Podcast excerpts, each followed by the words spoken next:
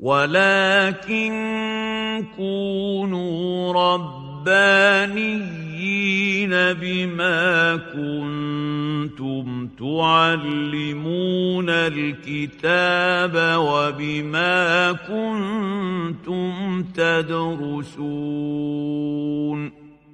السياسة الماليه رأى إن كل الناس تأخذ إيه؟ راتب واحد من كل من بين المال، كل الناس تأخذ راتب ثابت. سيدنا عمر بن الخطاب ابتدى أن يقسم الناس على طبقات. يعني قدم أهل البيت وقدم أصحاب السابقه في الإسلام اصحاب البذل والجهاد وكذا وأخر من تاخر إسلامه وقل جهاده وقال لا والله لا أسوي بين من قاتل رسول الله ومن قاتل مع رسول الله فيجي واحد يسأل عمر الخطاب يقول له لا اقسم السوية زي ما قسم ابو بكر الصديق ولا ولا إيه يعني تغير بين الناس. فإحنا بنقول له لا ده حق الإمام. يعني إيه؟ ان كل امير له سياسة يراها إن لم تكن تخالف شيء من الشريعه خلاص؟ فبعض المآخذ اللي اخذناها عثمان حاجات بحق الامام يعني منها مثلا التوسع في النفقه على الناس. يعني الناس عهد عثمان بن عفان إحنا قلنا أكثر معظم الناس. قدرة التمالك بتاعت الناس زادت في عهد عثمان بن عفان. وكأن المال تجمع بكميات كبيرة جدا في أيدي بعض الصحابة أو بعض العرب في الأراضي المفتوحة. مما أثار حب كثير من أصحاب الأراضي المفتوحة. آه مثلا آه لديه كان يركز على عثمان في تصرفات شرعية متعلقة بالعبادات العبادات. يعني في عهد عثمان توسعت توسعت المدينة الإسلامية. حجم المدينة زاد شوية المدن وعدد الناس. فعثمان بن عفان ارتأى أن يوم الجمعة يؤذن باذان أول قبل الصلاة حتى يتاهب الناس لصلاة الجمعة فيجتمعوا بالصلاه فبعض الناس ارتأى أن ادخال هذا الأذان أو زيادة هذا الأذان من ابتداع خلاص؟ وهو سنه ماضية من مع عثمان بن عفان حتى الآن. ودخل فيه صليب الشعائر الاسلاميه اللي هو الأذان الثاني للجمعة. بس حاليا الناس بيظنوا يؤذن الاذان الأول على وقت الصلاة هو اصل إن هو كان قبل الصلاة زي اذان الفجر إحنا عندنا في الأذان برضه الأذان الفجر كمان الأذان بس يمهد للناس بان هو إيه؟ اللي عايز يتسحر اللي عايز يوشك أن يعني إيه؟ آه يتوقف الطعام والشراب والجماع وكذا فإيه؟ كل واحد يلحق نفسه بقى قبل فخلاص ففي اذانين فأخذوا على عثمان بن عفان مثلا حاجة زي كده. وإن كان طبعا عثمان بن عفان أهلا للاجتهاد ده واحد اثنين لديه ما يقاس عليه من أذان الفجر. خلاص؟ اثنين آه عثمان بن عفان مثلا جه في السفر سافر آه فأتم في السفر. خلاص؟ آه وقبله أبو بكر وعمر والنبي صلى الله عليه وسلم قصروا في السفر. فالناس قالوا لا عثمان بن عفان يعني خالف السنة. ليه؟ لأنه إيه؟ قصر في السفر. آه أتم في السفر. صلى الصلاه الثنائية رباعيات يعني رباعيات كاملة على أصلها. خلاص؟ فواحد أن عثمان بن عفان مجتهد له أن ينظر. خلاص؟ وعائشة كانت ترى ذلك برضه التمام. خلاص؟ رضي الله عنها. وفي نفس الوقت عثمان لما سئل على هذا اجاب بإجابتين الاثنين يوضحوا جدا لماذا اجتهد هذا الاجتهاد واحد قال أن إن الناس لما كثرت في الإسلام وكذا فعثمان بن عفان وهو مسافر فبيحل على ناس من الأعراب وناس ليس لها كثير يعني حضور في المحاضر الإسلامية والمدينة فلا يشهدون العلم والفقه وكذا فهم لو صلوا مع أمير المؤمنين الصلاة الرباعية اثنينات هتصور إيه؟ ان الصلاة كلها اثنينات. فخشي عثمان بن عفان أن يفتن الناس وبالذات الأعراب ولا والذين ليس لهم بصر في الإسلام وكذا أن الصلاة الرباعية اثنين فأراد أن يتم حتى يتبين الناس أصل الأمر. والأمر الآخر أنه أنه أخبرهم إن هو لما في حين في حين سفري المكان المحل اللي نزل به كان تزوج فيه. فأصبح صاحب إيه؟ دارين أو محلتين يعني. أنا رجل متزوج هنا متزوج هنا فأستطيع إيه؟ دي بلدي ودي بلدي فأنا ماليش إن أنا أخسر لأنه صارت محل مكان أهلي يعني. خلاص؟ آه مثلا آه يعني كان النبي صلى الله عليه وسلم آه نفى الحكم أبو مروان خارج المدينة ف هو سمح لي بإن هو إيه؟ يعود تاني جوه المدينة فقالوا إنه النبي صلى الله عليه وسلم نفاه وإنت رجعته. فهو يعني كان برضه في الإجابة بيقول إن أنا كلمت النبي صلى الله عليه وسلم فيه. فهو النبي صلى الله عليه وسلم عزم عزم على أن يعني إيه يأذن له في المدينة ثم توفي. وأنا علمت إن النبي صلى الله عليه وسلم كان آذن في ده فانا فع- فعلت على استئذان النبي صلى الله عليه وسلم. وفي بعض الناس أخذوا ينبشون في سيرة عثمان بن عفان. فقالوا لا عثمان بن عفان مش زي أبو بكر وعمر. في إيه؟ قالوا والله هو ما حضرش بدر. وفر في أحد. خلاص؟ ولم يحضر بيعه الرضوان. خلاص؟ فدي كلها حاجات يعني إيه؟ تشينه مثلا. فحتى بعض الناس آه، راح لسيدنا عبد الله بن عمر قال له أنا جاي أسألك عن حاجات في عثمان بن عفان. فقال له قال له آه، استحلفك بالله. آه، ألم يغب عثمان بن عفان عن بدر؟ قال نعم. قال له ألم يفر يوم أحد؟ قال نعم. قال ألم يغب عن بيعة الرضوان. قال نعم. فقال له بس الله أكبر. وراح جاي ماشي راح سيدنا عبد الله بن عمر. قال له خد تعال. انت مش سالت أجاوبك أنا بقى. قال له إيه؟ قال له أما عن بدر فقد أمره رسول الله صلى الله عليه وسلم أن يبقى بجانب زوجاته بنت النبي صلى الله عليه وسلم السيده رقية يطببها ثم أسهم له بسهم فارس. يعني اسهم له وكأنه قاتل معهم في بدر فسوى بينه وبين أنه أطاع النبي صلى الله عليه وسلم وبين من أطاع النبي صلى الله عليه وسلم في القتال. خلاص؟ وأما عن فراره في أحد ففي عدد كبير من الصحابة فر في أحد وأنزل الله عز وجل مغفرتهم في القرآن. فقد غفر الله عز وجل له أو تاب عليه وأنتم يعني إيه؟ لا تريدون أن يتوب الله عليه. يعني هو إيه؟ زي بالظبط الثلاثة اللي خلفوا في تبوك. ينفع حد يعيرهم بعد ذلك بأن هم تخلفوا فتاب الله عليهم؟ هو الله عز وجل هو اللي بيقبل بيتوب على الناس وقد تاب خلاص؟ لا مش كل الصحابة. لا في في منهم من قاتل فقاتل وقتل ومنهم من زاد على النبي صلى الله عليه وسلم فيقتل مثل طلحة بن عبيد الله سيدنا سعد بن أبي وقاص وأبو بكر الصديق لولا أن النبي صلى الله عليه وسلم نهاه. يعني لا الصحابة تقسموا في أحد. لكن القصد القصد ان من فر في أحد. أنزل الله عز وجل مغفرتهم في القرآن. الذين استزلهم الشيطان ببعض ما كسبوا. نزل فيهم قرآن قد غفر الله عز وجل فخلاص هم يعيروه بشيء ليس إيه؟ يعير به الرجل. وأنه لم يشهد بيعة الرضوان وبيعة الرضوان هي عقدت بسبب عثمان بن عفان النبي صلى الله عليه وسلم لما نزل في صلح الحديبية فقال لعمر بن الخطاب يعني أنا عايزك تدخل مكة تكلمهم وكذا في أمور يعرضها عليهم النبي صلى الله عليه وسلم أو صلح أو معاهدة أو كذا. فعمر الخطاب قال له لا يعني أنا ما يعني إيه؟ هو كان يعني ليه تاريخ معاه سيدنا عمر الخطاب ومالوش يعني حد يحميه أو يزود عنه أو يغضب ليه يعني بالقدر يعني. فقال له لا هات واحد ليه منع وكذا زي عثمان بن عفان فعثمان بن عفان أرسله النبي صلى الله عليه وسلم له لهم. فلما دخل مكة قالوا له طب تطوف حوالين تطوف بالبيت وكذا قال لا, والله لا أطوف حتى إيه؟ يطوف النبي صلى الله عليه وسلم. فاستبقوا شوية. يمهلوا وينظروا في الأمر وكذا. فأشيع لدى النبي صلى الله عليه وسلم والصحابه أن عثمان قتل. فالنبي صلى الله عليه وسلم أمر الناس أن تبايع على الموت. لعثمان لقتل عثمان اللي هو أشيع انه قتل فبايع الناس النبي صلى الله عليه وسلم صفقة يد. حتى في نهايه الأمر فالنبي صلى الله عليه وسلم في الرواية فيقول فوضع يمناه في يساره قال إيه؟ وهذه في الرواية بيقول كده وهذه يد الله وهذه يد عثمان. لأن الله عز وجل قال إن الذين يبايعون الله يبايعونك إنما يبايعون يد الله فوق أيديهم. فقال إن هذه يد الله وهذه يد عثمان. يقصد أن أنه أن النبي صلى الله عليه وسلم ناب عن عثمان في هذه البيعة. خلاص؟ فكأنما من بايع النبي صلى الله عليه وسلم كانه بايع الله عز وجل يعني على أمر الله وطاعة الله وكذا وهذه بيعة عثمان. وده دي أصلا في مناقب عثمان بن عفان. أن النبي صلى الله عليه وسلم جعل نفسه بمنزلة عثمان بن عفان رضي الله عنه. خلاص؟ فدي من الحاجات برضو اللي بعض الجهال في وقته اخذوا عليه. آه أنه أخذوا عليه أنه ولى بعض أقربائه. فقالوا له مثلا معاويه بن أبي سفيان أنت موليه على الشام اعزله. آه عبد الله بن الصرح. ده أخوه. آه ولاه على مصر وهو اللي فاتح النوبة سيدنا عبد الله بن الصرح. فهو وكانت إجابة عثمان بن عفان قال لهم يعني قد وليت أقوام ليس لقرابتي.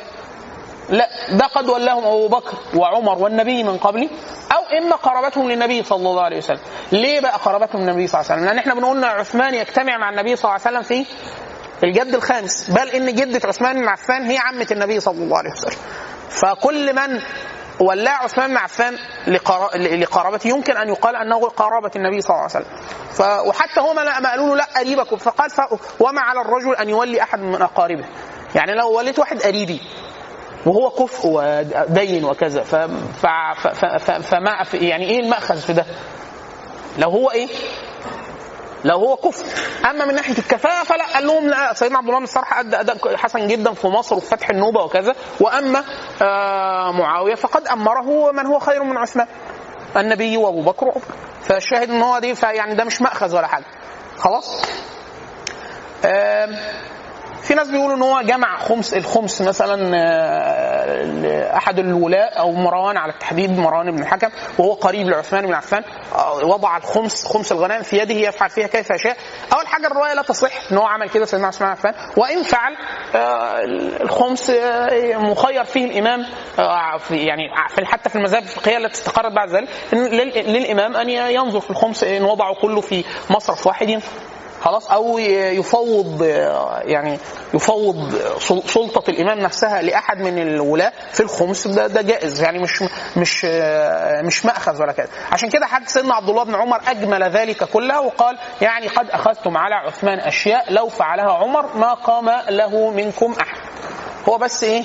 عثمان لأن لهم وعمر عليهم بالدر وده قول سيدنا عثمان بن عفان قال لهم وإني قد لنت لكم أما عمر فقد عليكم بالدر يعني عمر بن الخطاب كان إيه؟ يعني خشن في التعامل.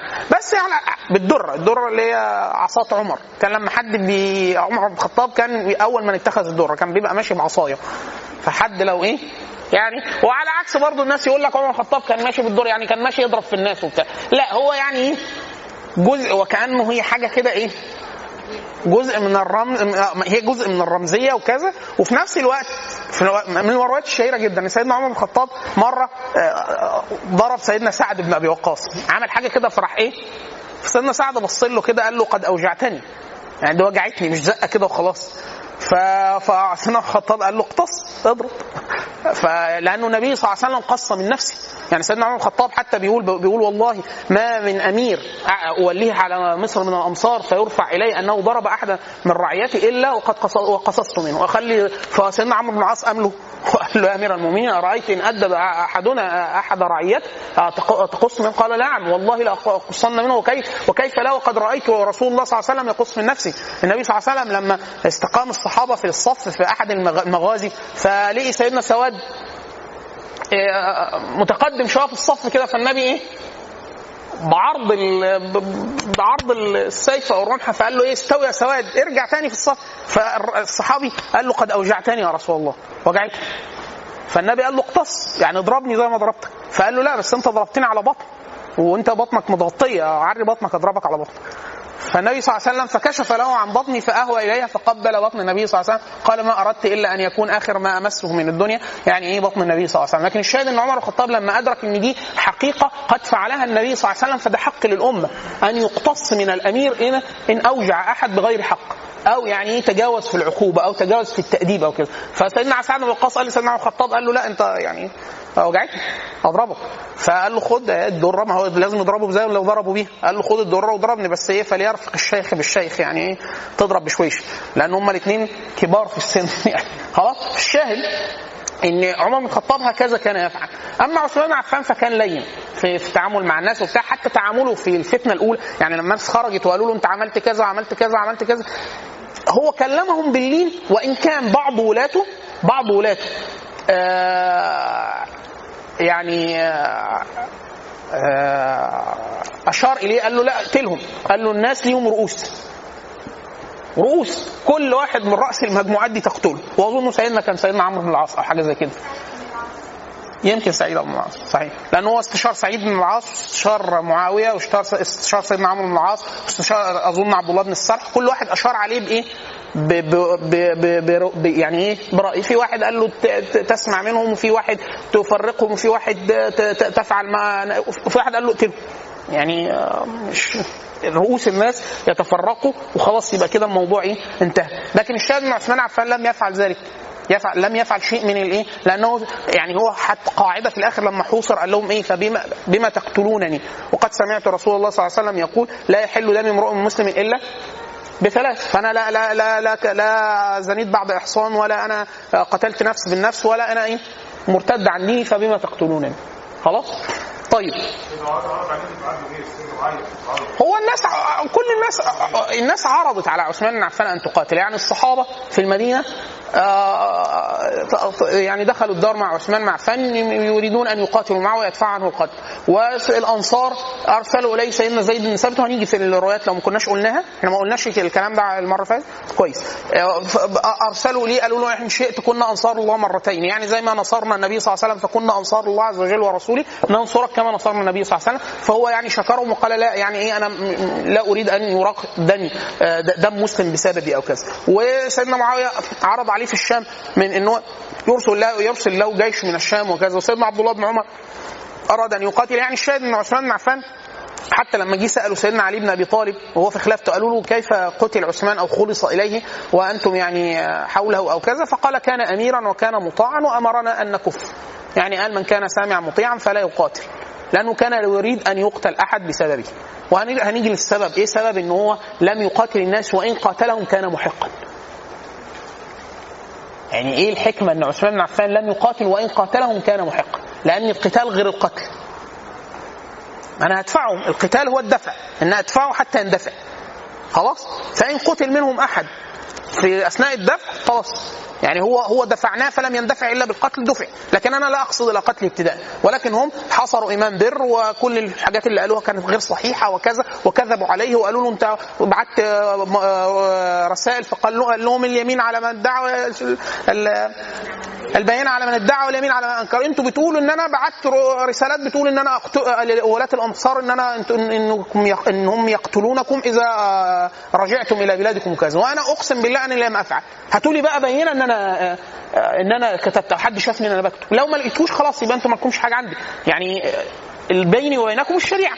خلاص؟ وإن أردتم أن تقتلون لا يحل لكم ذلك. كما لا يحل لي أن اقتلكم وإن أردتم أن انخلع عن الخلافة فليس لكم ذلك أيضا. لا لكم ده ولا لكم ده ولا لكم ده. فبيني وبينكم شرع الله عز وجل. خلاص؟ فلما لم يقاتل عثمان بن عفان أو لما يأمر لم يأمر الناس بقتال خلاص؟ دي حاجة حاجة مهمة جدا. طيب إحنا أظن إحنا الأول اتكلمنا شوية عن أحاديث فضائل عثمان بن عفان. جزء من فضائل عثمان بن عفان أنه كلمهم بفضائله عند حصار.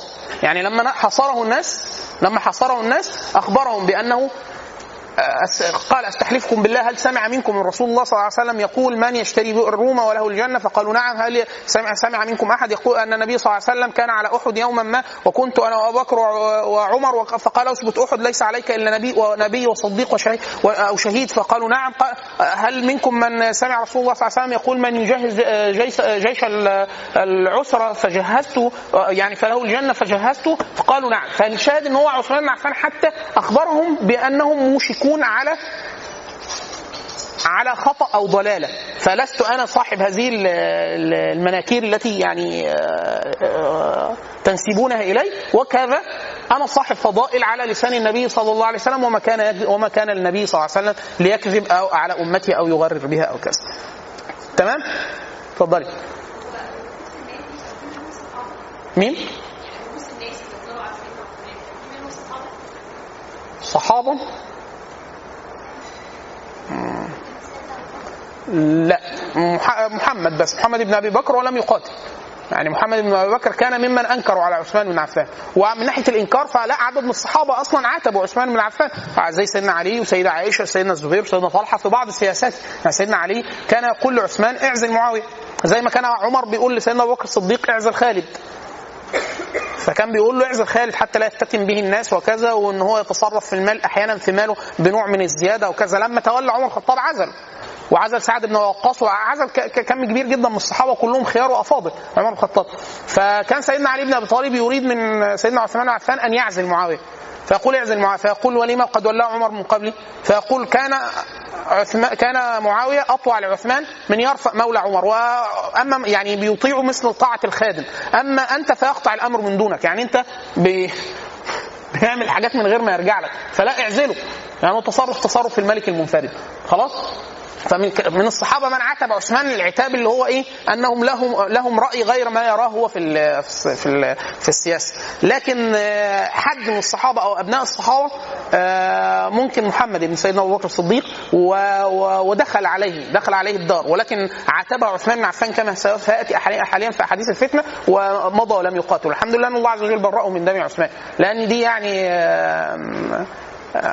يعني شيء ما يعني يخزي الرجل. يعني التعرض لقتل واحد من مثل عثمان بن عفان يعني يعني يشقي صاحبه. تمام؟ يشقي صاحبه. تسلم ماشي. تسلم خلاص؟ هو في سكر ولا ما فيهوش سكر؟ يعني أنا أحط دلوقتي كل قالوا لي إن انت بتشرب يعني ده في في كام سكر؟ ده م- طيب خلاص رضا. إحنا بس مجهود أحط كده وادوب وبتاع. المعلقة والسكر اللي جوه هحرقهم طاقة. يعني وأنا ب... خلاص؟ مين؟ يعني أنه لم يقاتل. يعني هو يعني هو اراء ممن عتبوا على عثمان بن عفان بل ممن يعني إيه؟ دخلوا عليه الدار. ف ولكن لما دخل عليه الدار عثمان عاتبه. يعني هو الرواية يعني تتم للكلام أن محمد بن أبي بكر الصديق محمد بن سيدنا أبو بكر الصديق آه، بس هو محمد مش أخو سيدة عائشة. هو أخو أسماء من الزوجة الأولى. آه لما دخل على عثمان عفان وأمسك بلحية عثمان عفان فقال يعني ما يغني عنك معاوية الآن ومروان وبني يعني أقاربك يعني وبتاع. فسيدنا عثمان عفان قال له يعني كلام معناه قال له يعني يعني لحية لطالما وقرها أباك أو يعني وق يعني أنت وقفت موقف يعني إيه آه، كان لا يقف أبوك يعني. فهو استحى ومضى ولم يقاتل لكن هو كان ممن أخذ على عثمان وعاتبه لكن لم يشارك في القتل وهو ده اللي ده اللي نقصده. أما أن أن يأخذ الرجل على أحد أو يعاديه حاجة عظيمة يعني اتفضلوا يا اخوانا مع خلاص؟ فهي هي دي هي دي الفكرة إن هو من اشترك في قتل عثمان يعني يعني قتلوا أمير بر يعني. عشان كده سيدنا حذيفة بن اليمان لما آه، وكان أخبر الصحابه بالفتن فقالوا له آه، يعني رأيت عثمان بن عفان آه، أين أين هو إن قتلوه؟ فقال في الجنة إن شاء الله. وقالوا قالوا له طب يقتلوه قال في النار. يعني وده مما أخبر النبي صلى الله عليه وسلم به زي ما هيجي ان هو لما لم يقاتل عثمان بن عفان. هي دي فكره من المآخذ اللي أخذوها عليه عثمان اللي أخذوها على عثمان بن عفان وده متعلق بفعل عثمان بن عفان قدرا وامرا. يعني كويس إن هو لم يقاتل الحمد لله إن هو لم يقاتل. وليه ممكن إن إيه الحكمة من إن النبي صلى الله عليه وسلم أمره بألا يقاتل؟ هنيجي هنيجي لفكرة إن هو هو هو مأمور. يعني النبي قال له هيحصل كذا كذا تعمل كذا كذا. خلاص. إيه السبب؟ مما أخذ على عثمان بن عفان ودي حاجة طبعا موجودة معانا لغاية دلوقتي. دي من الشبهات اللي متعرض لها الإسلام أصلا ودي اللي قدمنا بيها في المقدمة في الأول خالص عن أهمية الصحابة إنهم نقلت الإسلام وحملت القرآن وكذا. أن عثمان بن عفان أن النبي صلى الله عليه وسلم عندما كان يتنزل القرآن الوحي كان يأتي بالكاتب فيقول اكتب فيكتب على الج- الجلود والعظام واللحاف ثم جمعت خلاص فصار القرآن الذي نزل على قلب محمد مجموع. في صدور الصحابة ومفرغ في هذه الجلود والعظام. ثم لما استحر القتل بحفظة القرآن يعني كثر وانتشر في قتل في حفظة القرآن في حروب الردة في عهد أبو بكر الصديق عمر بن الخطاب قال له لا تجمع بقى الحاجات دي كلها اللي إحنا نخشى إن إيه يتفلت شيء من القرآن بسبب قتلة الحفظة.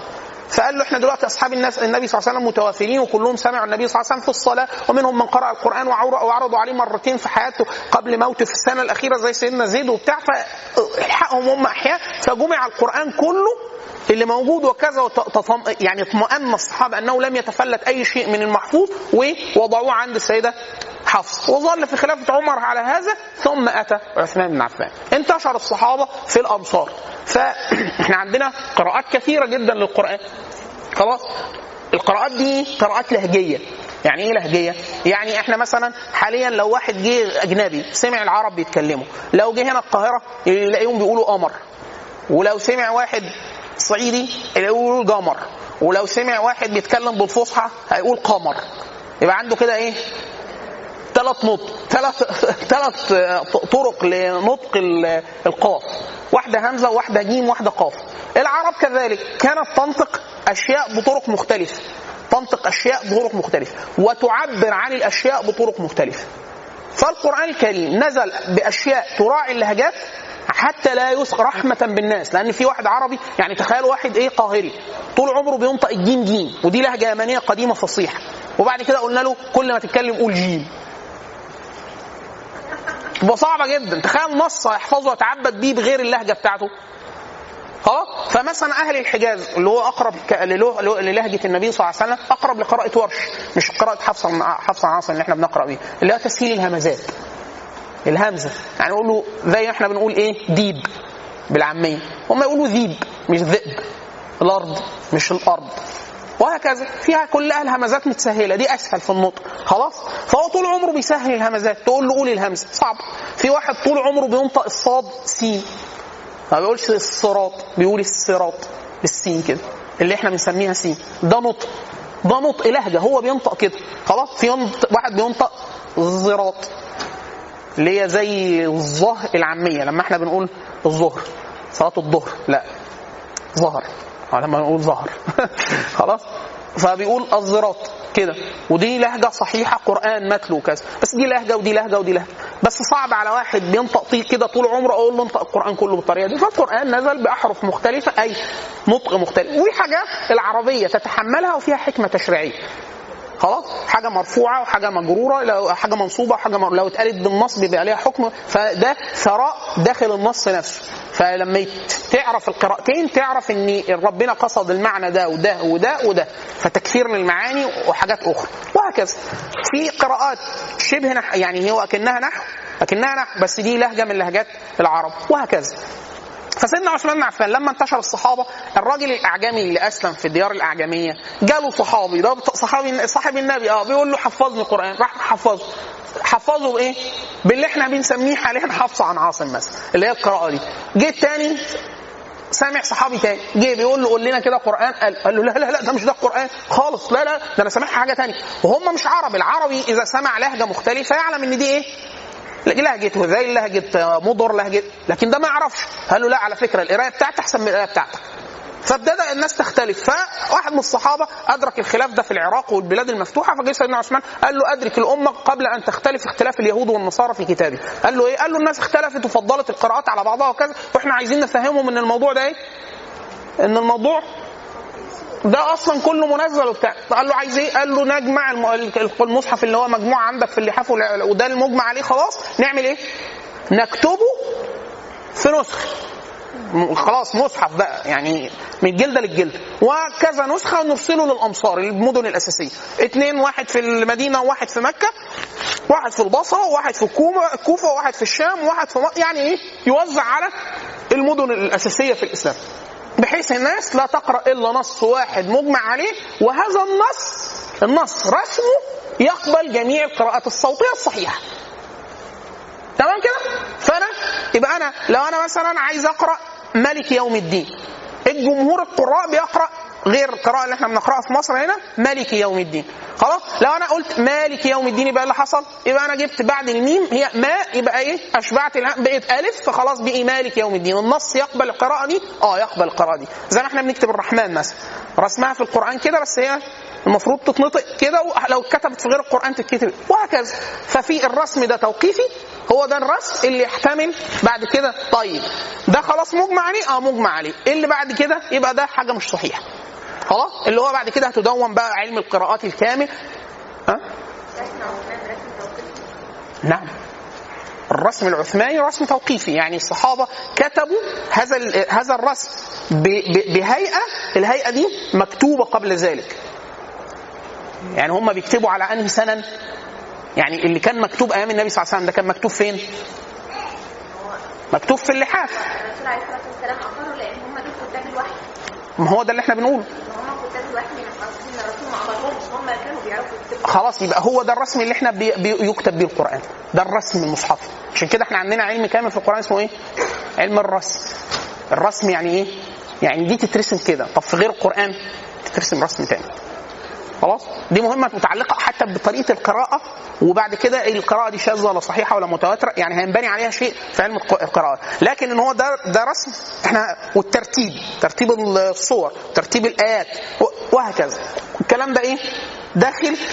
ما تشغليش دماغي بده الفكرة إن في علوم في علوم دقيقة كاملة بنيت على علم عد الايه رسم المصاحف. الآيات دي كان في خلاف في طريقة عد الايه آه إزاي؟ إيه سبب الخلاف؟ موجود. عدد حروف القرآن موجودة طريقة الرسم موجود وهكذا. خلاص؟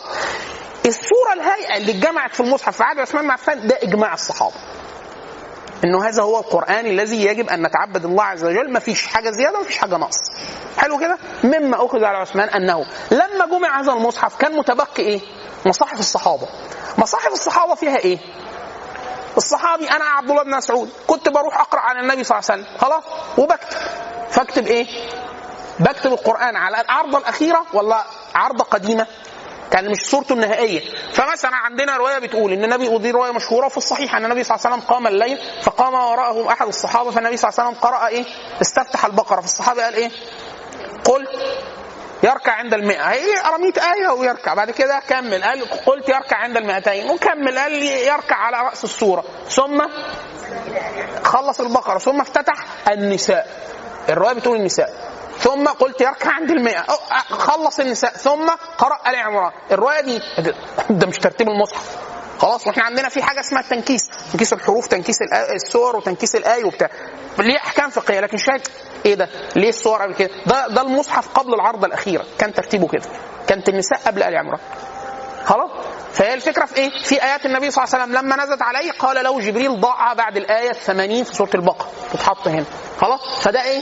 ده الترتيب الأخير اللي هو القرآن الذي بين يدي الناس اللي هو العرضه الاخيره اللي هو بعد كده نزل فيه اليوم أتممت لكم دينكم هو ده خلاص فإحنا بنتكلم في إيه؟ إن سيدنا عثمان بن عفان يعلم أن الصحابة كل منهم كتب بحسب العرضة التي عرضت عليه فالترتيب مختلف وفي واحد كاتب مجموعة الصور اللي حافظها في صحابي سابق حافظ 70 صورة فكاتبهم خلاص؟ في صحابي بيكتب التفسير جنب الآية أو بيدرجه جوه الآية لأن هو عارف إن ده كلام هو اللي كاتبه. خلاص؟ فمثلا صحابي فمثلا إذا جاءكم فاسق بنبأ فتبينوا.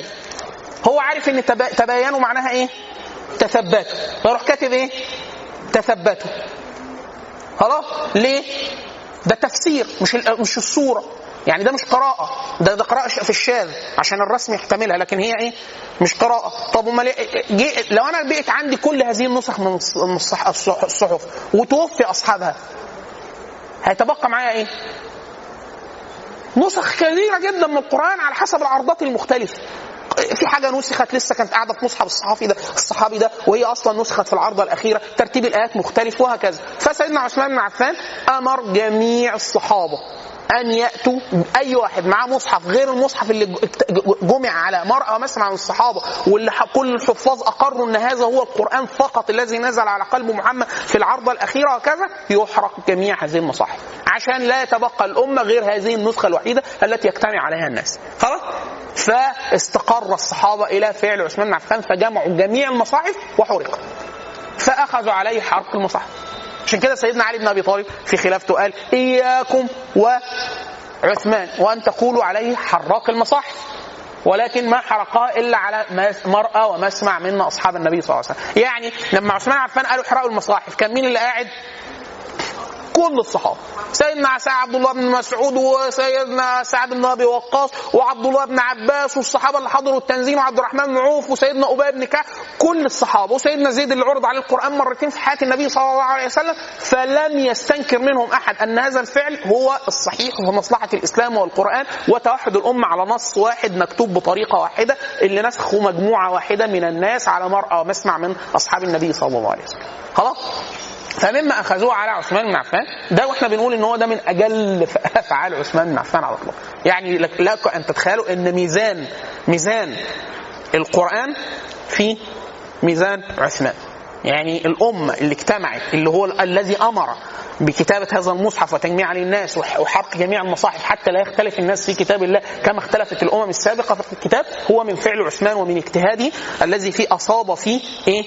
مع تواطؤ الصحابة جميعا أو إجماعهم على صحة هذا الفعل. خلاص؟ هنا بقى دي حاجة اللي أنا هقوله ده مش نص مباشر. ليه عثمان بن عفان لم يقاتل؟ دي حاجة من يعني التي يمكن أن يفهم من فعل عثمان. ليه عثمان بن عفان ما يقاتلش؟ يعني أبو بكر الصديق أبو بكر الصديق لما الناس اللي منع الزكاة ولا كذا قاتلهم مباشرة. واللي أبو بكر عمل كده عثمان ما عملش. ها كيف يعني ماذا يحدث له ماذا يحدث له الإسلام طبعا بعد كده عندنا كم المذاهب والفرق الضالة اللي دخلت في الإسلام كثيرة جدا جدا. وادعى إن القرآن محرف وإن القرآن ده الصحابة تقطعوا على الكذب وإن السنة محرفة والرواه وال- والوضع وكذا. القرآن نجا من ده بسبب إيه؟ توحد النسخة اجمع الصحابة على ده ما فيش مرويات ما فيش أسانيد ده متعبد بلفظه متعبد بتلاوته متعبد بطريقة ك- قراءته فالموضوع إيه؟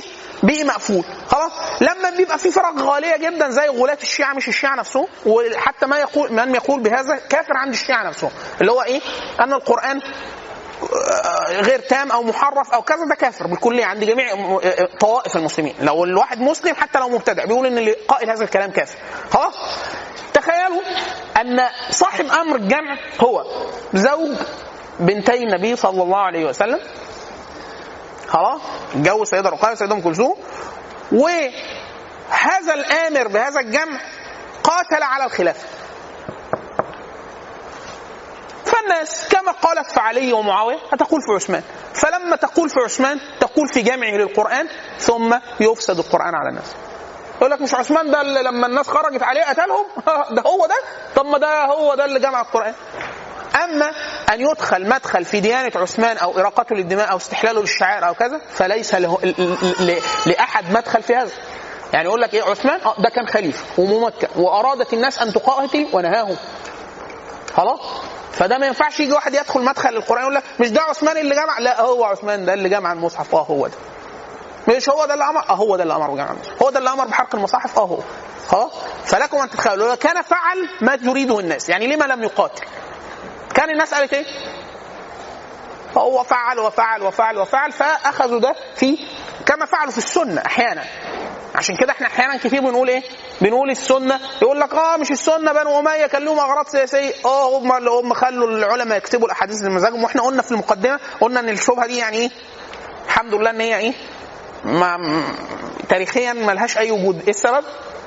إن عصر التدوين كله اللي كتبت فيه كل كتب السنة في عصر بنو العباس مش في عصر بنو أمية، في عصر بنو العباس دول من آل البيت فاللي كانوا لو بنو أمية أدخلوا أشياء كانت هتبقى باينة. ولو واحد ليه تدخل سياسي اللي حكم 500 سنة متصل. فالسنة نجت من هذا وذاك. يعني لو حاجة مكذوبة في حق بنو أمية علماء الحديث قالوا مكذوبة. وحاجة مكذوبة في عصر في عهد بنو العباس يعني يقول لك الناس اللي في الصاد دول على الهدى وبتاع لأنه في وضاعين وضع حديث لفضائل بنو العباس علماء الحديث قالوا برضه ضعيف. فليس له هناك مدخلية للكذب في السنة لا لمصلحة بنو أمية ولا مصلحة بنو العباس فعلم أن القائم على الجمع السنة علماء الحديث وكذا إنهم كان لهم شروط موضوعية معيارية بغض النظر عن الكيان السياسي اللي كان قائم. ده واحد. اثنين أن تدوين السنة لم يكن في عصر بنو أمية. عشان إيه؟ يعني الموضوع يبقى خلصان كده. خلاص؟ نأتي لما لم يقاتل عثمان بن عفان. طبعا هو الناس لما اجتمعوا دخل مجموعة خرجت من بصرة مجموعة خرجت من كوفة مجموعة خرجت من الشام مجموعة خرجت من مصر. ومن قتله من مصر أصلا. خلاص. ثم اجتمع على عثمان بن عفان. قالوا له تفعل اشياء ففي أول الأمر قال نعم وخلاص وخدوا موا- موا- مواثيق وعهود. قالوا أنت فعلت كذا كذا قال له لا أنا ما فعلتش كذا كذا آه، قالوا له أنت عملت كذا؟ قال لهم آه. قالوا له آه، يعني إحنا لنا مؤاخذات واحد اثنين ثلاثة فشرح لهم ثم انفض الناس. خلاص. ثم وجد الناس بعض الكتب ال- يعني الرسائل المكتوبة. ادعوا ان كتبها عثمان بن عفان أنه أرسل لولاة الأمصار قال لهم الناس دي لما ترجع بلادها اقتلوها. فعادوا مرة أخرى فحصروه قالوا لا لا أترك الأمر ده إحنا هنقتل لو عدنا. قال لهم أنا ما كتبتش حاجة قالوا لا إحنا مالناش دعوة فحصروه في داري في المدينة أربعين يوما ف على أن يخلع نفسه من الخلافه قالوا له إحنا نرضى إن أنت تنخلع من الخلافة تقول أنا مش خليفة ونشوف حد تاني نبايعه عشان آه ما رأيناه منك فقال قال لهم لا أنتم ليس لكم من حقكم أن تخلعوا الخليفة إذا أردتم وإلا تصير سنة. كل واحد ما يعجبوش أمير يجتمع مجموعة من الناس وأنتم لا تمثلوا المسلمين. وينخلع الخليفة. إما تجيبوا بينة على حاجة منكرة فأنا أعود عنها يا إما أنتم مبطلين. خلاص؟ وأخذ الموضوع يتصاعد قعدوا محصلين 40 يوم حتى انتهى إن هم منعوا الماء وحصروا الدار حتى لا يدخل عليه ماء ولا طعام ولا كذا ثم منعوه من الصلاة. الجماعة هو الأول كان موجودين هم في المدي- المدينة وكان يخرج فيهم عثمان بن عفان يخطب في الناس ويصلي بهم ثم تعرضوا له بالاذى البدني ثم حصروه في الدار ثم منعوه من الطعام ثم تسوروا عليه البيت في آخر الأمر ثم قتل. خلاص؟ طيب لما لم يقاتل عثمان بن عفان إيه في اسباب واضحه على مدار ما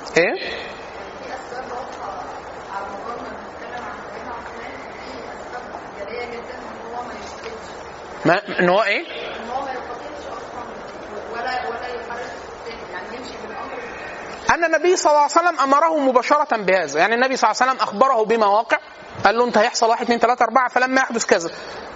افعل كذا ولا تفعل كذا. هنجيب فكره ان سيدنا عثمان يعني هيقابل النبي صلى الله عليه وسلم يعني هو هيموت هو عارف ان هي دي هيموت شهيد وهيقابل النبي صلى الله عليه وسلم فايه الفكرة انه يتمسك يعني عشان يستمر مثلا خليفه أكتر اعتقد يعني مع الشيخ هي واحد هي ده اللي إحنا السؤال اللي بنسأله إن هو واحد أنه أمر بالا يقاتل. يعني النبي صلى الله عليه وسلم إحنا دايما بنقول إن النبي صلى الله عليه وسلم آه، أخبر بفتن تقع وأخبر بعض الصحابة بما فعلوه في هذه الفتن. يعني أخبر مثلا سيدنا الحسن بن علي آه، ابن النبي صلى الله عليه وسلم آه، قال إيه ابن هذا. سيد يصلح الله يصلح الله به بين طائفتين عظيمتين من المسلمين. فكده علم أن هناك فتنة تقع بين طائفتين عظيمتين من المسلمين. يكون حل هذه الفتنة في يد سيدنا الحسن. في أن يصلح الله عز وجل بينه وبين فسيدنا الحسن لما يجي في خلافته مثلا فيتنازل خلافه عن سيدنا لسيدنا معاوية نحن يقول لك هو عمل كده ليه؟ فيقول لك إيه؟ طاعة لأمر النبي صلى الله عليه وسلم. خلاص؟ طيب سيدنا عمر بن الخطاب يقولوا له طب ليه أنت قدمت أنت والأنصار ورضيتوا بأبو بكر الصديق؟ يقول والله إحنا سمع النبي صلى الله عليه وسلم قدمه للصلاة ثم قال يأبى الله عز وجل ورسوله والمؤمنون إلا أبو بكر. يعني أنهم من يتقدم؟ أبو بكر الصديق حديث واثنين وثلاثة النبي صلى الله عليه وسلم قالهم والأنصار لما ذكروا بالأحاديث وبفعل النبي صلى الله عليه وسلم وهكذا. أحاديث وقوع الفتنة فتنة الحر حرة المدينة ودي وقعت في فتنه في في, في خلافه يزيد بن معاوية. لما النبي صلى الله عليه وسلم أمر سيدنا أبو سعيد الخدري وغيره سيدنا معاذ وبتاع قال له كيف بك إذ رأيت الدماء؟ بلغت أحجار الزيت. قال له هيحصل واحد اثنين ثلاثة ففي دماء آه، هتسال فقال له أعمل إيه؟ فقال له تذهب إلى أحد فتكسر سيفك ثم تذهب للقوم الذي أنت فيهم. يعني ما تقاتلش. قال له يا رسول الله ألا آخذ سيفي؟ طب آخذ سيفي معايا وأروح لل... قال له لا اذا تشاركه. ففي مجموعة من الصحابة ومجموعة أحداث عامة النبي صلى الله عليه وسلم أخبر بها حديث حذيفة الطويل. اما سيدنا حذيفه لما قال كان كان الناس يسألون رسول الله صلى الله عليه وسلم عن الخير وكنت أسأله عن الشر مخافة أن يدركني. فأحد الأيام قال النبي صلى الله عليه وسلم يا رسول الله كنا في جاهلية وشر فمن الله عز وجل علي علينا بك فهل من بعد ذلك الخير من شر؟ قال نعم. آه، فهل بعد ذلك الشر من خير؟ قال نعم. فالنبي صلى الله عليه وسلم وصف جميع هذه المراحل. قال له الفتنة الأولى دي بعد هذا الخير من شر؟ قال نعم. قال له إيه الحل منه؟ قال له السيف. وقد وقع فتنة المرتدين ومنيع الزكاة وكذا وكان الحل في أن قتل أبو بكر الصديق حتى عاد الناس حساب الإسلام. قال له بعد كده قال له آه فتنة آه يعني إيه آه ال- آه هدنة على دخن. وصف إن هيحصل هدنة بين المسلمين وبعد كده يبقى فيها دخن فيها شيء غير صار قال له طب وما دخن؟ قال أقوام يهدون بغير هدي تعرف منهم تنكر. اللي هو ظهور أناس يظهر فيهم كثير جدا من الإسلام مع دخن إيه الدخن قال له إيه؟ أقوام يهدون بغير هدي. تعرف منهم ما تنكر. يبدو إن هيحصل تغيير ما في الإسلام. الطريقة تع- فقال له طب إيه الحل؟ تعرف منهم ما تنكر. ما عرفته من أمر الإسلام وكان مستقر من أيام الصحابة والنبي صلى الله عليه وسلم. ده تع- إذا عرفته ده من أمر الإسلام وت- وتنكر في أشياء يهدون بها على الإسلام على غير الجده وغير الهدي. طيب بعد كده في آخر الزمان قال له إيه؟ آه، دعاة على أبواب جهنم. قال يا رسول الله صفهم لنا جل قال هم أقوام من بني جلدتنا يتكلمون بألسنتنا. من أجابهم إلى ما يدعونه إليه قذفوه في النار أو كما قال رسول الله صلى الله عليه وسلم. فالشاهد إن إيه؟ النبي صلى الله عليه وسلم وضح يعني للصحابة أشياء تقع وأخبر ب ب ب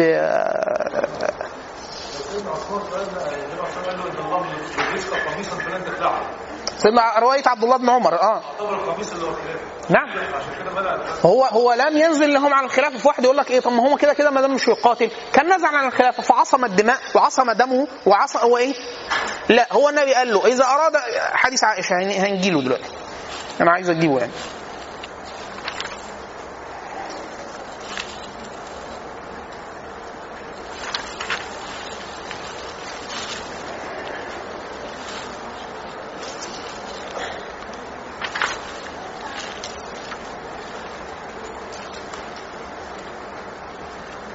آه الحديث عند حديث عند الإمام أحمد في المسند عن النع- النعمان بن بشير قال كتب آه، معي معاوية إلى عائشة قال فقدمت على عائشة فدفعت إليها كتاب معاوية فقلت يا بني ألا أحدثك بشيء سمعته من رسول الله صلى الله عليه وسلم؟ قلت بلى. قالت فإني كنت أنا وحفصة يوما من ذاك عند رسول الله صلى الله عليه وسلم. فقال لو كان عندنا رجل يحدثنا يعني يريد أحد من أصحابي يعني. فقلت يا رسول الله ألا أبعث لك إلى أبي بكر؟ فسكت. ثم قال لو كان عندنا رجل يحدثنا فقالت حفصة ألا أرسل لك إلى عمر؟ فسكت. ثم قال لا. ثم دعا رجلا فساره بشيء يعني جاب واحد من الصحابة وقعد يكلمه بأشياء يسره لا يسمع منها معظم الكلام يعني فما كان إلا أن أقبل عثمان فأقبل عليه بوجهه وحديثه فسمعته يقول له يا عثمان إن الله عز وجل لعله أن يقمصك قميصا فإن أرادوك على خلعه فلا تخلعه ثلاث مرات. ثلاث مرار. كل مرة يقول له كده. قال فقلت يا أم المؤمنين فأين كنت عند هذا الحديث؟ يعني أنت ما قلتوش للناس لما حصلت الأشياء فقالت يا بني والله لقد أنسيته حتى ما ظننت أني سمعته. يعني في أثناء الأشياء وكذا. في الرواية تانية بتقول النبي صلى الله عليه هي برضو آه، آه، أظن ده آه.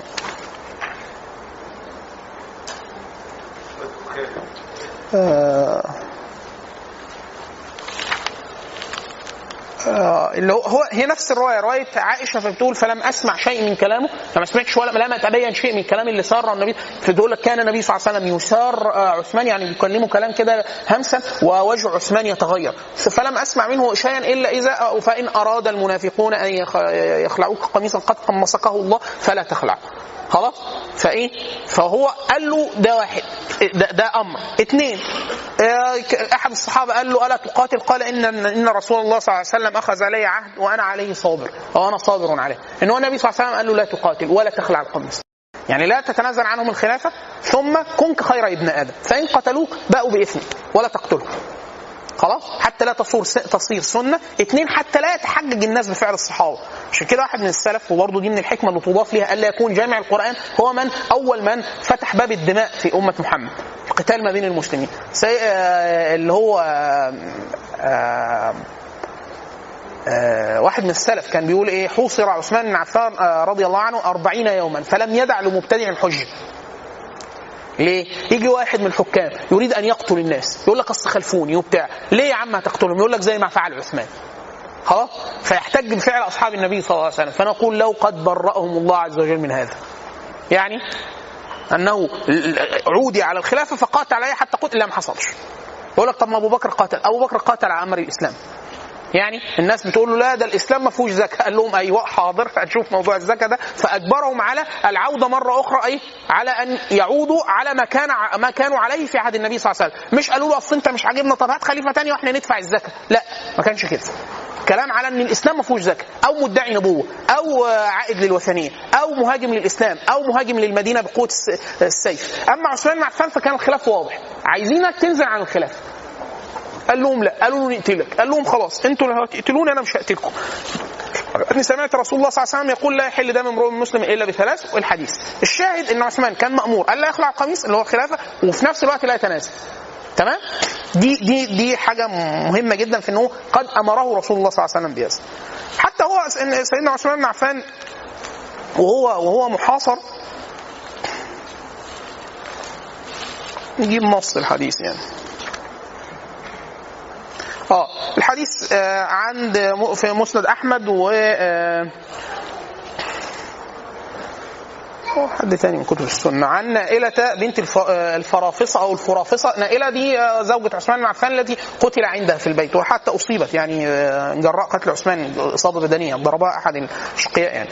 فبتقول الرواية بتقول عن نائلة بنت الف- الفرافصة امرأة عثمان بن عفان قالت رضي الله عنه قالت نعس أمير المؤمنين عثمان لما حاصروا سيدنا عثمان بن عفان فمنعوه الماء وكان صائما فأذن المغرب فلم يجد ما يأكل ولا يشربه ثم صار صائما حتى أذن الفجر. فكان نائم والفجر أذن خلاص. فنائلة كانت صعدت فوق سقف البيت فكلمت الجيران فقالوا لهم إحنا عايزين مية وكذا فلما أتوا بالماء كان اليوم قد انتهى. فأيقظته بعد صلاة الفجر. فقالت له اشرب. فبص للسماء فقال يعني اذن الفجر قال- فقال إني قد أصبحت صائما. فقالت له قد نهاكم رسول الله صلى الله عليه وسلم عن الوصال. النبي صلى الله عليه وسلم نهى أن يصوم الرجل بلا أكل وشرب. فقال لا قد رأيت رسول الله صلى الله عليه وسلم في المنام. فقال لي آه، يا عثمان هل حصروك؟ قال نعم يا رسول الله. قال هل منع عنك الماء؟ قال نعم يا رسول الله. قال فاشرب. فأدلى لي بدلو فشربت حتى رويت. هو يقول ذلك. ثم قال صم فإنك تفطر عندنا. وقد صام قد قتل قتل صائما رحمه الله. خلاص؟ دي الرواية في تتمه ليها اللي هي اللي أنا قلتها. الرواية بتاعت الإمام أحمد بتقول قالت نعس أمير المؤمنين عثمان فاغفى فاستيقظ فقالت آه، فقال لا يقتلنني القوم يعني هم يقتلوني النهارده قلت كلا إن شاء الله لم يبلغ ذاك. لا مش ما توصلش الموضوع للدرجة دي. إن رعيتك استعتبوك. يعني هم قد أخذوا عليك بعض الأشياء كما فعلوا في أول الأمر. قال إني رأيت رسول الله صلى الله عليه وسلم في منامي وأبو بكر وعمر رضي الله عنهما فقالوا تفطر عندنا الليل. يعني الموضوع واضح من الأول ومن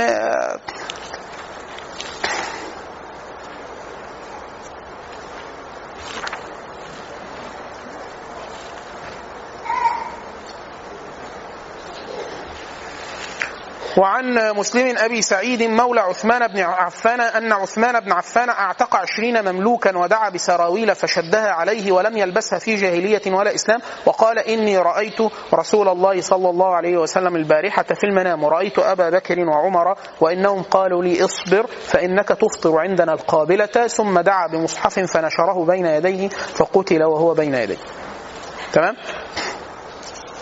الشاهد و وعند الإمام أحمد برضو في المسند عن إسحاق بن سعيد عن أبيه قال بلغني أن عائشة قالت ما آه ما استمع ما استمعت على رسول الله صلى الله عليه وسلم إلا مر مرة فإن عثمان جاءه في نحر الظهيرة فظننت أنه جاءه في أمر النساء فحملتني الغيرة على أن أصغيت إليه. يعني بتقول أنا ما جاش لحد جه جه النبي يكلمه في حاجة وأنا إيه رميت ودني إلا في المرة دي. يعني حسيت إن هو بيكلمه في موضوع الستات والجواز والطلاق ويعني الموضوع ده يهمها طبعا. رضي الله عنه. فحملتني الغيرة على أن أصغيت إليه فسمعته يقول إن الله ملبسك قميصا تريدك أمتي على خلعه فلا تخلعه فلما رأيت عثمان يبذل لهم ما سألوه إلا خلعه يعني أي حاجة قالوا له ترجع عنها قال لهم أرجع قالوا له تخلع الخ- الخلافة أو تتنازل قال لا. فيعني اشمعنى دي؟ لأن النبي صلى الله عليه وسلم فإن تريدون تريدك تريدك أمتي على خلعه فلا تخلعه فلما رأيت عثمان يبذل لهم ما سألوه إلا خلعه علمت أنه من عهد رسول الله صلى الله عليه وسلم الذي عهد إليه. يعني قال له يعني أي حاجة إلا دي لا حتى سيدنا عبد الله بن عمر قال له كده لما دخل عليه قال له هل ترى أن يزيدوا على قتلك؟ هيعملوا حاجة أكتر من يقتلوك؟ قال لا. قال له هل يملكون لك جنة؟ قال لا. هل يملكون لك نار؟ قال لا. قال فلا تخلع تخلع قميصا قمصه قمصكه الله فتكون سنة. كلما كره أحد يعني أحد من خليفة شيئا فأرادوا أن يخلعوه كما خلع عثمان. يعني اللي هو هتبقى هتصير لعبة بقى مش مش مش سلطان مسلمين ده إن هو يقولوا له أصلا أنت مش عاجبنا. طب ممكن تمشي وتجيب واحد تاني؟ طب طب ما طب ما تيجوا تحكموا أنت أحسن؟ أو إن هو يقولوا له لا أنت لازم تعمل زي أبو بكر وعثمان. قال لهم لو كان منكر أرجع عنه ولو كان أمر من أمور السياسة فبما أكون اميرا يعني هم طب أنا هاخد قرارات إزاي لو أنا مش لا أستطيع أن أن أتخذ امرا فأمضي فيه كما رأيت. ومش مخالف للشريعة. تمام؟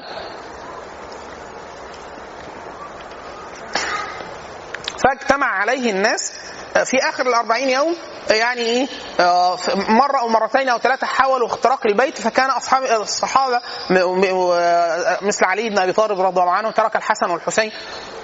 أبناء النبي صلى الله عليه وسلم في حماية عثمان وترك الزبير عبد الله بن الزبير آه، ابنه في حماية عثمان بن عفان وترك سيدنا حاطب محمد بن حاطب ابنه في حماية عثمان بن عفان بالسلاح وترك و وترك آه، ودخل معهم مروان بن الحكم وهو قريب لعثمان بن عفان آه، في في الدار. كلهم يحيط بالدار بالسلاح حتى لا يدخل عليه الناس. الغريبه أن من قتل عثمان تسوروا عليه. يعني هم ما دخلوش حتى دخول الرجال يعني لو ما تسوروا نطوا من فوق البيت حتى وكانوا الصحابة وهم عثمان بن عفان حتى السيده نائله لما كان بيتكلموا تقول له يعني إيه آه، لم يبلغ الأمر. يعني ما كانش متصورة إن الناس يصل بهم الدرجة ليه؟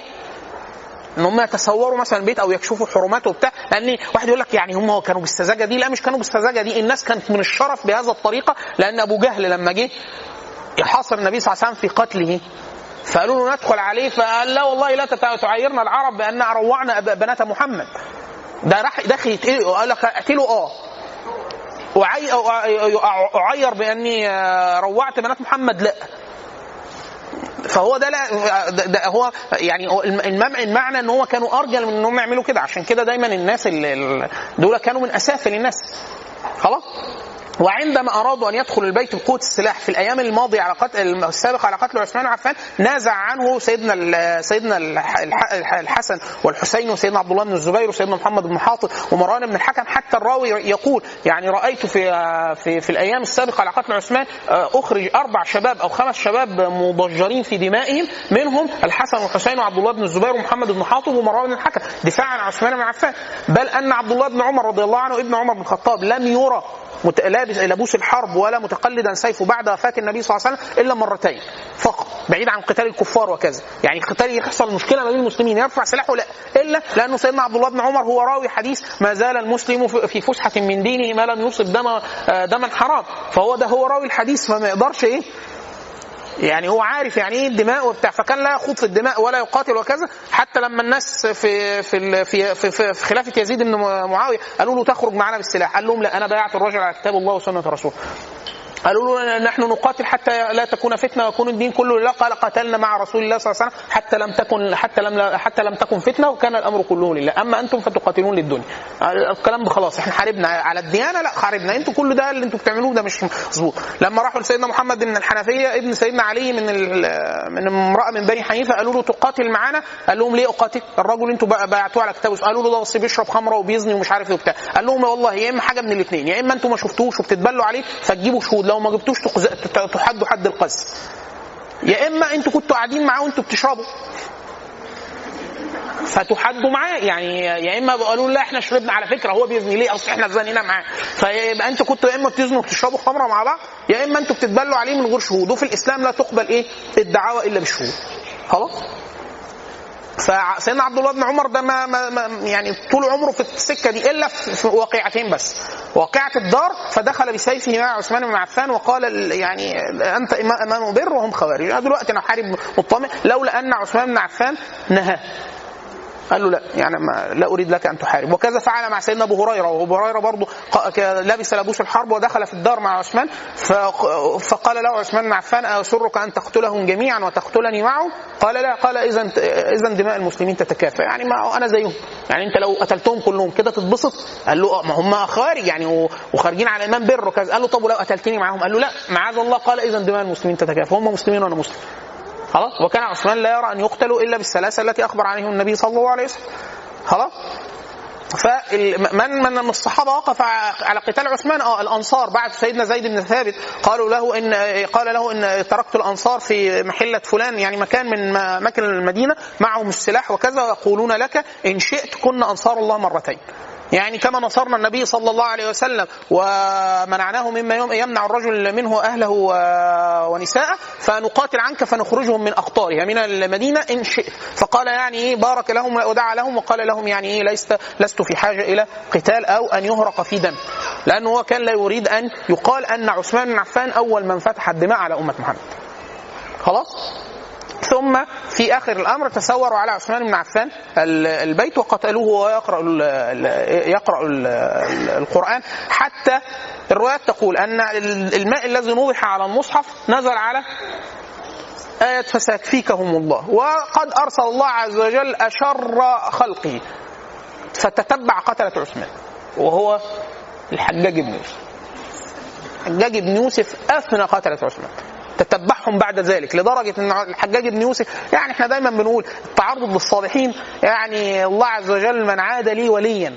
آذنته بالحرب. مرة سيدنا الزبير وسيدنا طلحة واحد شتمهم قدام سيدنا سعد بن أبي وقاص بعد الفتنة. وقد قتل آه، ظلما في الفتنة ولم يقاتل. سيدنا طلحة وسيدنا الزبير. وهنيجي في فتنة سي- في قتال في عهد سيدنا علي. فسيدنا سعد كان مستجاب الدعوة. وهو خالي النبي صلى الله عليه وسلم. ذهب فتوضأ ثم صلى ثم دعا على على الرجل القاتل فدهمته دبة فقتلته. ليه؟ لأنه تعرض لأولياء الله عز وجل. سيدنا الزبير وسيدنا طلحة ودول عند الله عز وجل في الجنة يقينا. خلاص؟ آه اسمه إيه ده؟ سيدنا عثمان لما تعرضوا لقتل عثمان بن عفان الحجاج تعقبهم لدرجه إن واحد اسمه عمرو بن ضابئ عمرو بن ضابئ ده بعد ما قتل عثمان مظلوما رضي الله عنه واحد دخل لما هو ميت. خلاص قتل أصلا. فدخل ضربه في جنبه كده. قال له ما, ما- أغنى عنك مروان ومعاوية وكذا ثم خرج. بس. كان قتل خلاص. فده اللي في الشريعة في الشرع. يعني ملوش ممكن يعذر يتضرب بتاع يؤدب لكن إيه؟ لم يشارك في القتل. خلاص الراجل قتل. خلاص؟ في عهد الحجاج بن يوسف لما أرسلهم عبد الملك بن مروان لأهل الكوفة لما خطب فيهم خطبته العصماء وبعد كده قال لهم إيه؟ أمير المؤمنين أمرني إن أنا أعطيكم اعطياتكم كل واحد ياخد الراتب بتاعه. بس بعد ثلاث أيام اللي هلاقي اسمه في اسمه في ديوان الجند لأنه كان جعل التجنيد إجباري. الناس قال لهم الخ- تطلعوا تحاربوا الخارج قالوا له لا. قال لهم طيب حاضر. كل واحد اسمه في الأعطيات. بياخد راتب يطلع يحارب إجباري تجنيد واللي هلاقيه خد الراتب وقعد بعد ثلاث أيام في. في, الكوفة أقتله. حلو كده؟ خلاص؟ فجاله واحد عجوز اسمه عمرو بن ضابر الروايه بتقول كده. فقال له يعني أعز الله الأمير ابني شاب وأنا رجل مسن. فأنا أديه لكم مكاني يعني هو يحارب مكاني قال له نعم. الشاب أحب إلينا من المسن. خلاص تجيبه. خلاص احذف شيله من جدران الجند وحط ابنه. وماشي. أمير الشرطة اللي كان ولاه الحجاج بن يوسف قال له أعز الله الأمير هذا عمرو بن ضابط. دخل على عثمان بن عفان. بعد أن قتل فرفسه في ضلعه ضربه. فقال له علي بالرجل علي بالنطع ثم قتله في المسجد. هو حتى قيل في شعر عمرو بن ضابط ده اتخلد بعد كده. قال له إيه؟ الناس قال لك يعني يا إما تقتل على يد الخوارج في بعث آه، المهلب يا إما آه، تلقى مصير عمرو بن ضابط. يعني هت- هتموت يعني لأنه هو كان الناس هتطلع تطلع في جيش مين؟ ابن المهلب عشان يحاربوا الخوارج. فأنت هتقابل ناس ما بتفهمش خالص هتحاربها. خلاص؟ لو ما حاربتهمش هتقعد الحجاج. فيا هتتقتل كده؟ يا هتتقتل كده. حتى كان يقول لك انجو سعد فقد هلك سعيد. خلاص. اللي كده يا هتموت كده يا كده. فالشاهد إن هو الله عز وجل أرسل عليهم كما أرسل على قتلة الحسين. الحس- من قتل الحسين بن النبي صلى الله عليه وسلم سلط عليهم المختار الثقفي. المختار الثقفي تتبع قتلة الحسين فأفناهم. وهو كان ضلالي مختار نفسه ادعى النبوة. يعني لكن الله عز وجل يعني إيه؟ آه، إذا أراد أن يعني أن يسلط على أحد سلط عليه إيه؟ يعني شر الخلق. طيب. آه بمقتل عثمان بن عفان صارت القضية أكثر إشكالا من وفاة النبي صلى الله عليه وسلم في الخلافة. يعني أول ما النبي صلى الله عليه وسلم توفي عايزين يستخلفوا وراء النبي صلى الله عليه وسلم حد. فالخلافة من في الأفضلية من يقدم وكذا والأمور اتحلت إيه؟ بسبب وقار الصحابة وتقديرهم للأولويات في الإسلام ومن المقدم ومن قدمه رسول الله صلى الله عليه وسلم في الصلاة وكذا وبتاع فحسم الأمر بسهولة. فعهد عم- أبو بكر الصديق سيدنا أبو بكر الصديق استخلف عمر بن الخطاب فبايعه الناس ورضوا فصار خليفة. في عهد عمر بن الخطاب لما طعن ترك الأمر في الستة التي الذين توفى عنهم النبي صلى الله عليه وسلم وهو عليه عنهم راضي. ف خلاصة الاتفاق ما بين الستة عن تراضي وكذا آل الأمر إلى عثمان بن عفان. في هذا الأمر قتل عثمان بن عفان فالخليفة مقتول وقتلت عثمان في المدينة ولم يتبينهم الناس يعني لسه المشاركين هم شاركوا بس مين اللي قتل بالظبط مش عارفين. مين اللي شارك بالظبط مش عارفين. في ناس كتير في المدينة. خلاص؟ فذهب الناس إلى علي بن أبي طالب يبايعون فقال لا أنا مثلي لا يبايع في في في, في البيت. يعني يقولوا اثنين ثلاثة يقولوا له إحنا خل- خليناك خليفة كذا أنا ابايع كما يبايع الإيه؟ الناس في المسجد وكذا بيعة عامة ويبايع من تنعقد ببيعتهم بيعة. الصحابة والناس اللي زي اللي ولوا عثمان و- وابو بكر و- وعمر يولوني. خلاص. فخرج فبايعه الناس في ال- الخلافة ومنهم قتلة عثمان. خلاص. الناس دي موجودة في المدينة. هم عايزين كانوا عثمان. بن عفان ينخلع على الخلافة. وهم يختاروا واحد إيه؟ من الناس. خلاص؟ فاختار الناس علي بن أبي طالب فهم رضوا بخلافه علي بن أبي خلاص؟ المشكلة هنا إيه؟ أن تخلو المدينة من قتلة عثمان. ده واحد. أن يستقر الأمر الخليفة الجديد. اثنين ثم ينظر في قتلة عثمان. خلاص؟ ف العراق آه، يعني آه، تمالأ الناس على بيعة علي بن أبي طالب والحجاز وكذا. ف معاوية بن أبي سفيان وهو أمير الشام هو خ... آه، أمير للخليفة المقتول والخليفة المقتول استنصره. خلاص؟ وهو قريبه. خلاص؟ بلغة ال... باللغة القبلية يعني نقدر نقول إن هو من أولياء الدم. يعني يريد أن يثأر لقتلة عثمان بن عفان. فلما بلغه أنه يعني يجب أن يبايع علي بن أبي طالب فقال لا نحن لا نبايع لأي أحد ولا يستقر لأحد خلافة إلا بعد قتله عثمان بن عفان وهم موجودون يعني هم موجودين في المدينة وكذا فنستقتص الأول من قتلة عثمان ثم ننظر في أمر الخلافة. فصارت المسألة في اللي هي إيه؟ أن يقر معاويه بن أبي سفيان لعلي بن الخلافة بعد ام قبل ال- القصاص خلاص ثم صارت هذه المسألة مسألة محورية ثم صارت رسائل بين علي بن أبي طالب وسيدنا معاوية وبتاع. المساله الأولى واحد أن هذه المسألة ليست كان كما يدعي كثير من الناس أو حتى المكتوب في بعض الكتب أنها كانت خلاف نزاع على الخلافه يعني معاوية بن أبي سفيان رضي الله عنه لم يدعي الخلافه لم يدعي الخلافه أو لم يطلب الخلافه إلا بعد قتل علي بن أبي طالب. يعني بعد اللقطة اللي إحنا بنتكلم عليه دي بخمس سنوات. خلاص؟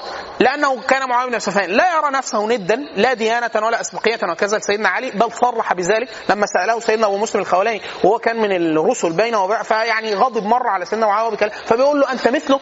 يعني أنت زي سيدنا علي عشان تحط راسك فقال لا. قال له لا أنا مش زيه ولكن أنا ولي الدم. بس. يعني قال له انت انت شايف نفسك زي كفء لعلي فقال لا.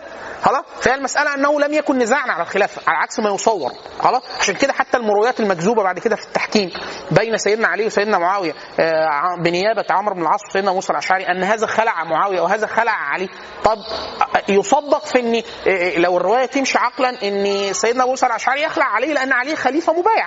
من قبل معظم الناس حاشا أهل الشام. خلاص. لكن موسى سيدنا عمرو بن العاص يخلع معاوية من ماذا؟ وهو لم يدعي الخلافه ولم يكن خليفة بل كان أميرا للشام بل ولي الدم فقط. خلاص؟ فدي إيه؟ دي المسألة الأولى.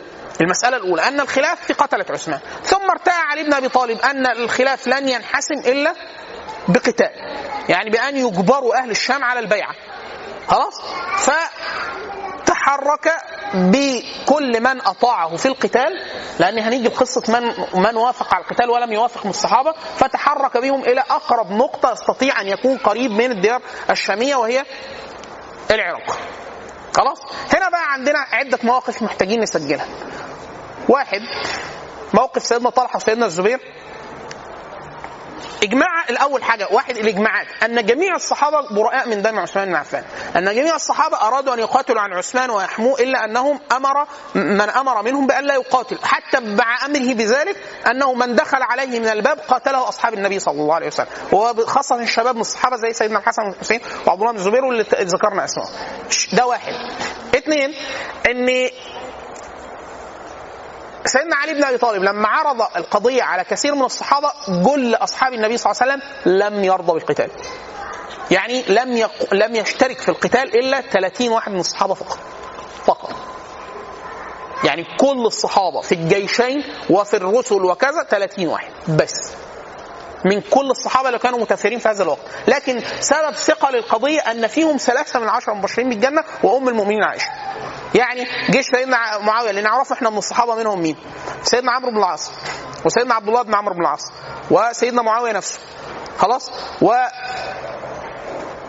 في جيش علي بن أبي طالب رضي الله عنه علي بن أبي طالب والحسن والحسين والمغيرة بن شعبة وعمار بن س... عمار بن ياسر رضي الله عنه وعائشة ممن رأت لأن إحنا هنقول ليه بنع- بنعد عائشة في المجموع؟ إن هم لأنهم كل هؤلاء يعني خاضوا أو تحركوا في العملية سواء ارتأى القتال إحقاقا للحق أو توقف عن ذلك وبتاع. فإحنا دلوقتي ثمانية من الصحابة ال- ال- المعروفين المشهورين سيدنا أبو موسى الأشعري وسيدنا عبد الله بن عباس. مين؟ ما إحنا عدينا طلحة والزبير خلاص؟ فيعني لا لا يعني يراجع في هذا كتاب الدكتور محمد محزون تحقيق مواقف الصحابة من الفتنة. عد الاحصاء الإجمالي هم 30 صحابي فقط. خلاص؟ ومن كبار الصحابة اللي امتنعوا عن القتال عبد الله بن عمر وسيدنا سعد بن أبي وقاص وسيدنا أسامة بن بن زيد. كل كل هؤلاء امتنع عن القتال. سيدنا علي كلم مثلا سيدنا أسامة. سيدنا أسامة ليه سابقه مع النبي صلى الله عليه وسلم في قتال المسلمين؟ الرجل اللي هو إيه؟ تشهد الشهادتين خوفا من القتل. لما قال لسيدنا أسامة أشهد أن لا إله فقتله سيدنا أسامة. فلما أتى النبي صلى الله عليه وسلم فالنبي صلى الله عليه وسلم أخبر بذلك. فقال له أقتلته بعد أن قال لا إله إلا الله أسامة؟ فقال يا رسول الله ما قال إلا متخوفا من السيف يعني. فقال وكيف تفعل بلا إله إلا الله إذا أتت يوم القيامة يا أسامة؟ قال يا رسول الله ما قال إلا متخوفا. فما زاد النبي صلى الله عليه وسلم إلا أن يقول فكيف تفعل بلا إله إلا الله إذا جاءت يوم؟ فيقول سيدنا أسامة إزاي فيقول فوددت ال أو يعني لم أسلم إلا الساعة. يعني يا ريت كل يعني كل فتمة لأنه من تعظيم النبي صلى الله عليه وسلم لقدر إيه؟ قتل المسلم. فسيدنا أسامة قال له أنا أنا ممكن أحارب معاك بس تديني سيف. إذا ضربت به المسلم إذا ضربت به المسلم لم. لم يقطع وإذا ضربت به الكافر قطع. ممكن أجي كده معاه خلاص؟ واحد تاني من الصحابة قال له آه يا سلام ده حارب معاك قوي بس أنا حارب معاك بالسيف ده. فنظر فإذا وجد إيه سيف من الخشب فعلم أنه لا يقاتل. خلاص؟ ومنهم من اعتزل بالكليه اعتزل مكانيا وكثير من التابعين. زي سيدنا أبو العاليه هنجي قصته سيدنا سعد بن أبي وقاص ابنه راح له وكان معتزل في شعاب الجبال بيرعى أغنامه وبتاع ومعتزل القتال من الأول. فقال له قال له يعني أنت بترعى أغنام هنا والناس يتنازعون الملك. يعني سيدنا سعد بن وقاص لو خرج ظهر يجتمع عليه الناس. ده من العشرة المبشرين بالجنة. ومن الستة اللي كان فيهم هو وعلي بس سيدنا علي اللي متبقين وسيدنا سعد أسن وهو خالي النبي صلى الله عليه وسلم. فالموضوع يعني ممكن يجتمع عليه الناس و... خلاص فقال له يعني قال له لا إني سمعت رسول الله صلى الله عليه وسلم يقول إيه يعني إيه؟ إن الله عز وجل يحب الرجل التقي النقي الخفي. ومثلي ومثلهم كقوم ساروا في فلاة. يعني أنا أقول لك إحنا شبهنا إيه اللي, بيحصل يعني. قوم كانوا في فلاة. فغم عليهم الطريق. هم كانوا ماشيين عارفين إحنا ماشيين فين. فغم عليهم الطريق. الدنيا ظلمت فقالوا إيه؟ في ناس قالوا إيه؟ الطريق يمنى فساروا الطريق يسار فساروا. وفي ناس قالوا إيه؟ نبقى على ما كنا عليه. فإذا انجلت كنا على الأمر الأول. يعني إحنا متأكدين إن ده الطريق. هم اللي راحوا يمين ده خرص يعني ممكن يطلع صح وممكن غلط. واللي راحوا يمين شمال ممكن خرص صح ولا غلط. لكن إحنا 100% صح لأن كنا على الأمر الأول. فقال له أنا لا لا يعني لا أفعل إلا ما كان عليه الناس قبل أن يفترقوا. خلاص؟ ولا أخوض في قتال ولا كذا لا من أجل ملك ولا غيره. خلاص؟ وكذا فعل عبد الله بن عمر طوال الوقت. حتى بعد كده في الخلافات ال- ال- الجائرة بعد ذلك برضه نفس الحكاية. خلاص؟ طيب. فمن الناس من استجاب مع سيدنا علي بن أبي طالب ومنهم برضه من خيار الصحابة زي سيدنا عمار بن ياسر. سيدنا عمار بن ياسر حتى كان هو إيه؟ الصحابة. كل من تحرك مع علي بن أبي طالب منهم كان عشرة بدريين ولا حاجة من الناس اللي حضروا بدر خلاص؟ لما عرفوا إن سيدنا عمار بن ياسر مع سيدنا علي مشوا. حتى يقال يعني في القتال في لما صار قتال في صفين في صفين وغيرها لما كانوا يرى جيش علي بن أبي طالب الصحابة ماشيين اللي تحركوا سيدنا عمار بن ياسر كان وصل حاجة و90 سنة. يقول لك ماشيين زي عمار ورا عمار بن ياسر زي ام ماشية وراها عيالها. يقول لك يمشي يمشي يقف يقف يتحركوا مع ليه؟ لأن النبي صلى الله عليه وسلم ممن كان أخبر في مناقبهم وفضائلهم ان سيدنا عمار بن ياسر معه الحق حيث يعني يدور معه الحق حيث دار عمار فهو إيه؟ قال لك وده مظبوط ده خلينا مع ال- اللي هو إيه؟ ليه؟ لأنه بيتحرك بنص النبي صلى الله عليه وسلم قال ده مظبوط يبقى ده مظبوط خلاص؟ وحاجة تانية ودي مهمة جدا أن النبي صلى الله عليه وسلم في بناء المسجد لما كانوا بيبنوا مسجد النبي صلى الله عليه وسلم كان الرجل يحمل إيه؟ اللبنة الطوبة واحدة وكان عمار بن ياسر يحمل إيه؟ اللبنتين ثم أشاع الناس وقع حائط من الطوب فوقع على عمار بن ياسر فجاء الصريخ إلى النبي صلى الله عليه وسلم يقول إيه؟ مات عمار فالنبي صلى الله عليه وسلم قال لا آه ما ما ما عمار ابن ابن سمية تقتله الفئه الباغيه يعني لا مش هيموت دلوقتي أنا هيموت بعدين. خلاص فالنبي صلى الله عليه وسلم أخبر يقينا أن عمار مقتول وتقتله الفئه الباغيه خلاص؟ فكانوا الصحابة اللي مع عمار ضامنين. إن برضه يعني إيه ما دام هو يبقى التانيين الباغي خلاص. خلاص فكان إيه؟ كل من تحرك تحرك يعني اللي اللي وق... اللي وق... توقف عن القتال وهم معظم الصحابة توقفوا حتى لا يخوضوا في دماء محرمة وكذا. واللي خاض احقاقا للحق مثل علي بن أبي طالب وسيدنا عمار بن ياسر وسيدنا عبد الله بن عباس وسيدنا الحسن وسيدنا الحسين وكل من قاتل مع علي بن أبي طالب رأوا الس... السيف احقاقا للحق. ودي مسألة مهمة جدا. دخلنا في مسألة مشكلة. اللي هي إيه المسألة دي طبعا ظلت في الأمة حتى الآن. اللي هو طب هو إيه إيه هل يلجأ إلى السيف في في فض مشكلات المسلمين؟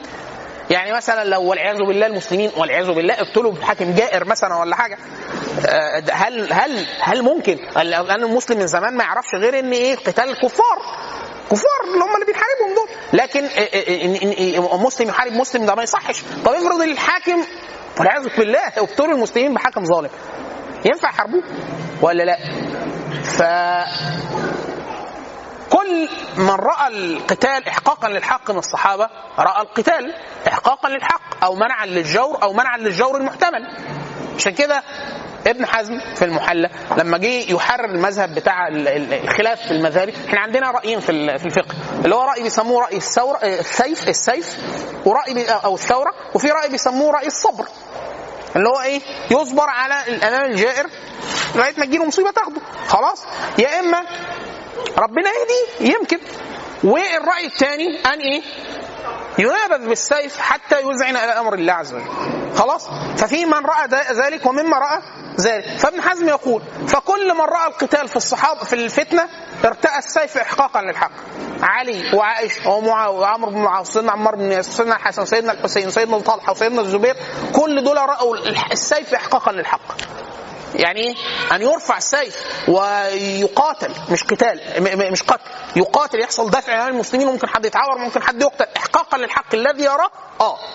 دول من الصحابة خلاص؟ وكل من خرج على يزيد بن معاوية في الحرة وهم أكثر من 100 صحابي من الأنصار ارتأوا السيف احقاقا للحق. والحسين بن النبي صلى الله عليه وسلم رأى السيف احقاقا للحق. وعبد الله بن الزبير الذي خرج على يزيد بن معاوية ثم استكمل القتال رأى السيف احقاقا للحق. ومن الأئمة الأربعة ومن التابعين. الإمام الشعبي سعيد بن جبير من قاتلوا مع عبد الرحمن الأشعث في الخروج على الحجاج بن يوسف وعبد الملك الم... بن مروان رأوا السيف احقاقا للحق. ومن الأئمة الأربعة المتبوعين أبو حنيفة في تأييده لمحمد بن نفس محمد النفس الزكية وإبراهيم من العباسيين والإمام مالك في تأييده للعلويين ضد العباسيين والإمام الشافعي وأحمد في أحد القولين. تمام كل هؤلاء رأوا السيف احقاقا للحق. والمذهب الآخر قول عند أحمد وضع عدد كبير من من الصحابة والتابعين اللي هم تركوا القتال هنا وهنا في جميع المواضع اللي إحنا سميناها والإمام أحمد في احد القولين وهو أن كما قلت الإمام أحمد أن السيف لا يعجبني فعليه لم يضبط الناس يعني أن اللجوء إلى السيف دائما ما كان يؤدي تاريخيا إلى فتن وقتال وشغب وكذا ولم يكن يحق الحق الذي خرج من أجله. ومثلا حسين بن النبي صلى الله عليه وسلم فقتل وكذا. فيعني المسألة إيه؟ الأفضل كذا. لكن لم يقل أحد قط بوصم من رأى السيف أنه خارجي.